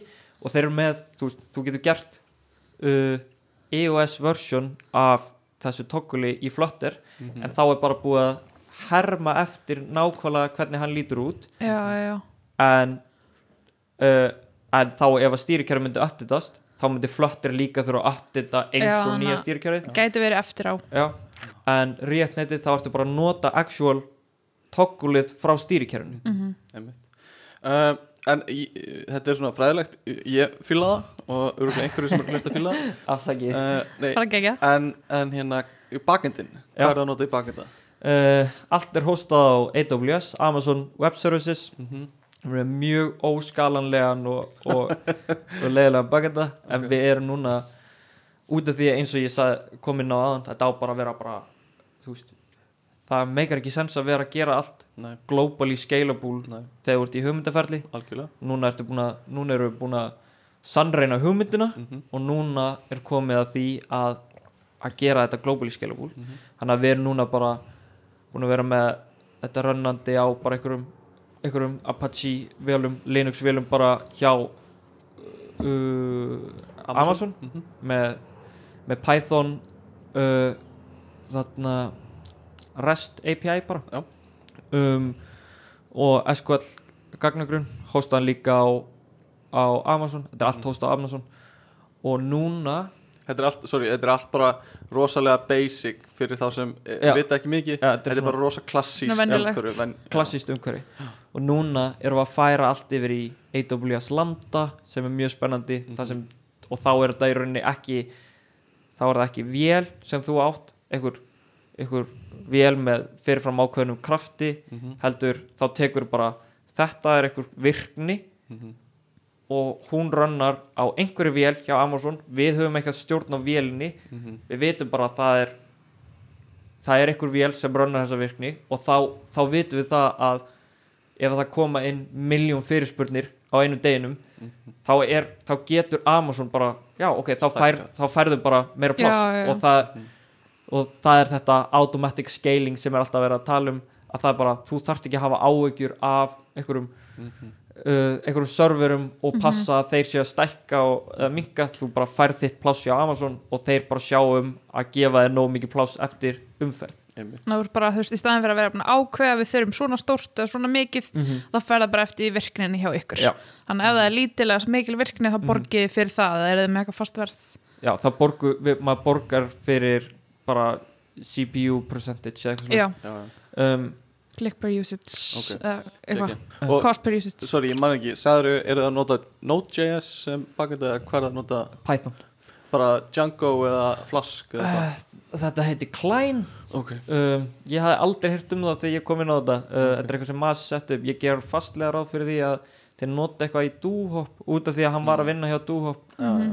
Uh, og þetta er bara já, bara, þú veist, freka basic eitthvað, Ok. en þarna en já, við erum að færa allt yfir í landa og þá veit ég ekki hvernig klæna eftir að eh, haga sig með því. Það getur verið að við skiptið eitthvað út og svo erum við líka að fara að henda upp GraphQL uh, layer og nota. Já, GraphQL er sem sagt svona uh, neta structure á gagna database já, og, og, og, sett bara svona samskipta leiðin á milli uh, clientsins og, og bakendans Gekja, ég, ég hugsa að þetta sé nóg á þessu í bíli það var bara ofdjúft Já, nei, en sko ekki. fyrir mig og ekki fyrir kannski það sem hafa áhuga á þessu en kannski fyrir hina þá bara Já. takk fyrir að hlusta og komist í gegnum þetta. Um, Þannig að mér finnst það mjög næs. En ok, þið voru að tala um að þið eru að fara að ráða Já. forritara, eru það að fara að ráða eitthvað þú veist, fólk í markasetningu eða fólk í þú veist, að þurfum að tala um samfélagsmiðluna og kannski einhverju sem verður með eitthvað geggjaðar hugmyndir. Mm Mhm. er það að ráði eitthvað annað heldur en forritarastöður? Já, við erum búin að ráða tvö inn í svona growth teimið ok, um, sem bara svona byggja upp. Sem er þá væntalega bara markasetning þetta er kannski svona nútíma orð fyrir markasteimið skilur Já, þetta er bara mjög mikið í hérna uh, svona startup heiminum. Þá ertu bara svona growth person já, eða svona growth teimi, ertu að sjá um til þess að fyrirtækið stækki og þá ertu aðalega að stækka þá hérna kunnahópin, eða þú veist hérna notenduna. já. og við erum bara búin að fá algjöra sleggjur inn í þetta verkefni. Um, inn í growth teimið okkar búin að ráða tvær, tvær mannski þarinn og svo uh, eina stelpu sem er líka nýbyrjuð sem heitir Gabriela og er algjör snillingur en hún er bara svona doldi, hún er útskrifuð úr hugbúnaverfræði en bara henni finnst ekki rosalega gaman að fóra þetta þannig að hún er bara hún er meira bara svona í um, vöruþróun og, og alls konar einhverjum svona uh, pælingum og, og mikið. Það er þetta endalusta verkefnum sem við þurfum að gera sem, sem veist, það er nóg að gera. Mhm, þannig að hún er svona daldið allt möguleik mann bara. Geggja hljómar vel, tengið svo mikið. Við erum til tölunafræðingar sem veist, ekki gáðan að fóra þetta sko. og þú veist, ok, og að kannski hoppa aðeins inn í þetta, þú veist, hvernig er það að nota eitthvað svona hugmyndafræði aðferðafræði á vinnustanum þú veist, þeir eru með slakk, Mhm. það sem þeir tala saman mm -hmm. þeir eru núna staðsett, eða er að fara að vera staðsett í borgatónunu, Mhm. þú veist, eru þeir með stand-up fundi, þú veist hvernig eru þeir með einhver svona uh, ákveðnar ákveðnar daga þar sem þeir eru að brainstorma þú veist, hvernig er þetta hjá okkur?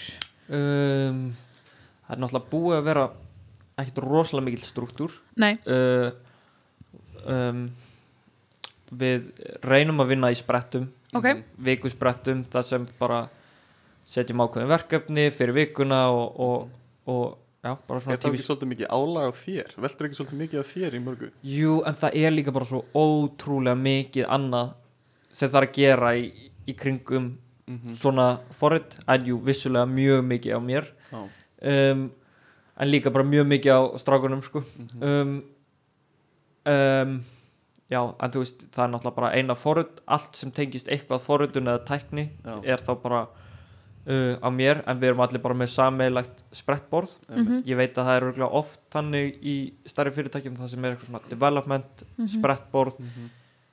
og það mun líklegast vera þannig núna þegar við, ég fæ inn þessa nýju fórhundara svo erum við með eitt mjög mikilvægt uh, mikilvægan fund sem er eiginlega á hverjum modni, alltaf þegar mætum. Við köllum þetta fíka og Já. þetta er drakka, það, það, er- þetta er eitthvað sænst orð, já, er ekki? þetta ekki bara eitthvað að koma með kaffi og með því Já, stemning? Þetta, þetta er sko þýðingin er eitthvað að drakka kaffi og og tala um góðu hlutina í lífinu Mm, já, Eða making time for friends Fika as a concept, state of mind and attitude an important part of Swedish culture Ok, kekja Já, It um, means making time for friends and colleagues to share a cup of coffee or tea and a little something to eat. Yes, Yes. Yes, Yes. this is correct. Uh, This is what we do. Já, en þú veist, við gerum þetta alltaf mótna þar sem við uh, tölum saman og reynum að tala ekki um produktið þótt að Yep. það fari mjög oft í produktumræður en við reynum bara að tala saman og bara spurja hvernig við höfum það og það er bara í fyrirtækinu er bara samskipti nummer 1, 2 og 3 og bara leið- líður uh, illa yfir ykkur eða vel yfir ykkur þá er bara mjög mikilvægt að tala um það. Já, og þannig að alltaf á mótnana þá, þá eigum við góðan kaffibotla og, og spjöllum saman. Mhm. um, Þetta hljómar svolítið eins og það sem Tryggvi var að tala um í, í þætti hjá okkur já, sem hér Feelings Friday. Já, já. Þá- einu sinni í viku þá á fastundum þá töluðu þeir bara um ekki, veist, verkefni sjálft heldur bara mér líður. En það var samt líka svona sérstakt eitthvað svona sem tengdist þá kannski svona meira spennu tengt. Veist, Mm. og vera með spennu gagvart því að um, til dæmis að í staðin fyrir þú getur verið með spennu gagvart þeim sem að gangi frá í, á kaffestofunni Einmitt. þú getur verið með spennu gagvart því að eitthvað ákveð ég held að það sé kannski líka svipa bara eins og tjekkin sem við tökum í vinnu okkur. Já, þú veist, þá ertu bara að segja hvernig það líður og svo getur þú tekið svona dýpri feelings á svona retrospektu fundum það sem Mhm. er eitthvað svona ég er með spennu gagvart mm, þessu. Og sem kannski þú veist eins og svona feelings fræti þá myndi ég halda að það væri svona einhver svona eftirmálar veist sem að það er lagað. Einmitt. En ykkar er kannski meira bara svona hvernig eru þið stemt þú veist, bara ef að Maggi er pyrraður þá veit ég það að því Já. að hann, sráði þessi í morgun eða eitthvað. algjörlega. Og þetta er bara og þetta eru jákvæða tilfinningar og neikvæða tilfinningar og, og það er bara um, allt flýgur sko Já. uh, já, ég held að það sé mjög mikilvægt um, sérstaklega þegar það er mikið ála á öllum og allir þurfa að gera rosalega mikið og enginn getur gert allt sem þeir ættu að vera að gera mm og það var bara mjög mikilvægt að að tala mikið um þetta sko. Já, segja frá því eða þá bara fag, fagna litli sigrunum svona inn á milli einhvern veginn la, náða að laga þessa villu eða Mhm. eitthvað svona og það gæti verið svona í framtíðinni þá er kannski að koma meiri struktúr með fleira fólki já uh, já og svo erum við þetta með veist brainstorming sessions og, Mm. og eitthvað svona um, og hvernig virka þau? Hvað er, hvað væri svona típisk brainstorming session? Vitið að þið ætlaði að bæta við einhverjum features eða Mhm. feature Mhm. og þið bara, ok, hvað veist, hvernig myndi það virka? við, við erum til dæmis með bara, þú veist, við erum með channel og Slack sem heitir Ideas og við erum með borð á Asana sem heitir Ideas Mhm. sem við erum bara, þú veist, og það er bara þú veist, 300, 400 Mm. bara item, bara hugmyndir sem við erum með þú veist, og það, það, það vantar aldrei hugmyndir, sko Nei, bara, við gætum verið að vinna í þessu appi næstu, þú veist 20 árin, sko, með 300 fórhættara og, og það, það er ekki vissinn sko. En þú veist það sem er það sem við þurfum aðlega að gera er að, er að finna hvað væri hvað er hvað er best að koma inn sem fyrst mm Mhm. veist, hvað, að, að, að forgámsraða Já, og svo svo fer þetta mikið í þú veist, hvað viljum við fá út úr þessu og, Mhm. og þarna og hvað tilgangið það þjónar ef við tökum dæmi eins og bara þannig að secret uh, Secret Machine. secret machine. Mm -hmm, ég býst við að það hafi verið eitthvað svona brainstorming Mhm. í gangi. Mm og, og eru þið svo, takið þið svo fund bara með því sérstaklega, bara hvað viljum við fá út úr þessu -hmm, uh, secret machine? Já. Bara þetta á að vera fyrir markasetninguna okkar Já. þetta á að vera fyrir awareness. Hvað er þetta og, og, og þarna, hvað viljum við að, hvernig viljum við að fólk nota og alls konar svona? Já, og svo erum við þetta líka við erum mjög data driven þannig að við erum bara við mælum allt mjög vel inn í appinu já, ég elska það um, þarna ég er að læra sko gagnavísindi og Já. þetta er alveg, þetta gítla mig rosa mikið Já. að heyra þetta sko einmitt, og þú veist til dæmis gott dæmi er við erum með svona prófíla mm. og það eru leik það er þessi leikur sem er núna uh, á prófílum sem heitir Gessari yes. og getur tekið svona spurningaleik um manneskjuna Mhm. sem þú ert að skoða. Og þess, þetta þetta element á prófílnum Mhm. þessi leikur, hann getur verið staðsettur við gætum staðsett hann efst á prófílnum mm eða neðst á prófílnum eða í miðunni eða whatever. Og uh, það sem við prófum að gera fyrst er að bara uh, neglan neðst á einmitt, og það var einhver þangangur eitthvað, já það gæti verið sniðut út af því að fólk getur kannski séð leikinn en vill svo fara og skoða prófílinn og gleymir svo að taka leikinn þannig að það myndi meika sens að hafa neðst. Svo skoðum við bara tölunar hvað hva margir eru að taka spilunni leik. Mm og svo bara, þú veist eftir tvær vikur ja, meira svona mm, fjórða kannski þá þá, þá festum við leikinn efst á prófílnum Já. svo prófum við í miðunni svo prófum við á random stöð staðum og svo erum við bara að skoða hversu margir eru að spila þessu leiki Mhm. og þá bara getum við tekið ákvörðun í takti við þetta, þetta data. Gekja. þetta er akkurat, ég er mjög hrifin að þessu sko. Svona en sko, og það sem við ættum auðvitað að vera að gera er að vera með mikið af AB-testum, það sem við látum 50% af nótum fá þetta og, og 50% af nótum fá eitthvað annað. Mm -hmm. og þá getum við líka verið með mörg svona test í gangi. Já, um, en uh, þar sem við bara erum e- við erum bara ekki búin að hafa tíma til að setja upp sko. þannig að við erum núna bara að pusha alla nótundur svona, skoðum hvernig töluna breytast Einmitt. og tökum það algjörlega. Um, eitt sem ég langar líka að koma inn á er hérna uh, þú varst að tala um you, the one, ég veit ekki hvort þið eru að nota líka í, í smitten en það er hérna uh, svona algoritmi Já. sem maður heyrir oft í tengdu við svona datingu algoritminn með greini. bara við erum með besta algoritman Já. eitthvað svona, þetta er líka oft í, í bandarísku sjónastáttum þá á að vera eitthvað svona algoritminn fyrir aðalpersona og það er bara engin til eitthvað svona Einmitt. klassíst svona og hann er oft svona persónugerður Já. algoritminn, hvort hann sé vondur Já, góð, góður og, og svona. Já, við erum með eitt góðan algoritma uh, notið hann í smitten líka?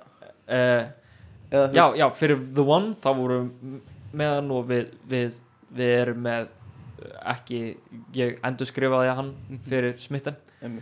Uh, og þe- þegar, þegar ég segi algoritminn Mhm. og þegar við tölum um algoritmann með greini uh, upp í vinnu þá erum við að tala um sem sagt, hvernig við röðum upp fólki í fítinuðinu Hva, ok, mm. hvaða, þegar þú opnar appið þá sérðu eitthvað mannesku og þetta er okkar gisk á og uppröðun á manneskjunum Mhm. er okkar gisk á hvað væri bestu prófílar til að sína þér? Er, kemur þá besti fyrst? Um, nei, Nei. uh, það, er, það er alls konar veist, það eru alls konar faktorar sem spila þannig inn í. Ok, og við erum með mjög sko, veist, við viljum ekki hafa það sem við erum með núna. Það sem við erum með núna er kallað svona ELO-based uh, algoritmi, en það þýr rauninni bara, veist það þýr að þetta er bara svona punktakerfi.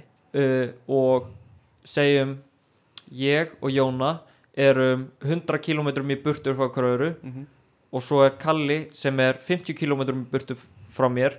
Hann fær þá 50 punta og Jóna 100 punta og sá sem með minnstu puntana er bestur, skilur ok. Mhm. þannig að þá, þá erum við búin að segja já, ok, uh, Kalli er aðeins betur en Jóna.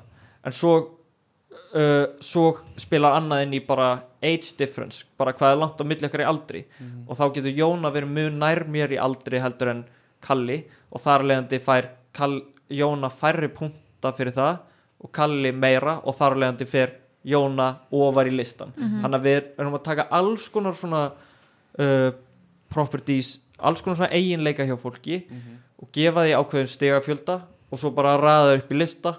Mhm. uh, og það er í rauninni grunnpælingin með algoritmannum sem við erum með núna. Er það á milli allra tveggja einstaklinga á smitten mm uh, er einhver punktar? Já það er bara að reikna ykkur, ykkur vensl, bara ykkur svona compet, uh, compatibility Mhm. kerfi. En það sem er náttúrulega fárlegt við þetta er að ég mm. einhver heimskur forritari í borgatúnu Mhm. er að segja bara já, það er best fyrir fyrir fólk að fá Mhm. fólk sem er nála hverju öðru í aldri sem er ekkit endilega Nei. sem er ekkit endilega rétt Nei, Og- og örgulega mismönd eftir fólki líka já, sko. mismunandi eftir fólki og ég bara taka alls konar Mhm. alls konar eitthvað svona faktora sem ég bara segja já, ég held að þetta sé gott Mhm. og það, það er auðvitað það er auðvitað ekki optimal leiðin til að gera þetta það væri svolítið áhugavert, sorry ég sé grípa fram fyrir þér að þú veist, fá fólk sem hefur verið í sambandi í 20 ár eða eitthvað svona Mhm. til að taka svona próf og fá punta og sjá hvar þau skora Já. og svo Já. einhvern veginn reyna að miða út eitthvað puntakerfu út frá því já, ég veit ekki já, Það er svo margi faktorar í þessu sko, sko. Samili vinnir og staður og stund bara sko. en það sem, við, það sem við erum að fara að gera Mm. er bara að hafa gerfigreind í þessu 100% þannig að við þurfum ekki að segja já, þetta skiptir máli og þetta skiptir ekki máli heldur frekar bara, þú veist, við segjum að við gerum þúsund much Mhm.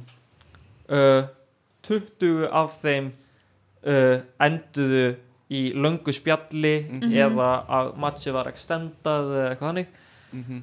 og, og segjum þetta var jákvætt much Já. og þá bara takið þessi properties hjá þessum nótundum, þau pössuðu vel saman þar leðandi er þetta einhver venst sem ætti að skoða. það hljóma bara eins og sko slamdöng fyrir svona hérna gerfugrindamódel sko. Já, algjörlega, þetta er 100% með mjög, það er oft talað um í svona gerðugreind að það þarf að vera uh, gott uh, fitness function. Já. svona uh, uh, góð leið fyrir algoritmann til að vita hvort að, hvort að hann stóð sér vel eða illa. Já. Já, og skýrt. þetta er mjög skýrt Skýrt. bara. Mjög ef að þau tala mikið saman og extenda matchið þá er það gott. Ef að þau tala ekkert saman þá er það slæmt. Og þar leðandi er hægt að bara Mhm. þá er þetta mjög bara að kenna já, já, hvað að- virkar og, hvað er og hvað gott og ekki. hvað þannig að þeir eru þá alveg að nota þú veist, aldur og hérna vegalengd og kannski líka þá svöru við öllum þessum spurningum. Svöru spurningum, við erum að nota hversu aktífur þú ert á appinu. Uh, við erum að nota uh, við erum að nota alls konar dót, bara hva, hva, hvað þú ert líklegur til að vera lækuð bara likes per view skilur ok, Já. við erum að nota um, Þetta- já, við erum að nota alls konar dót sko.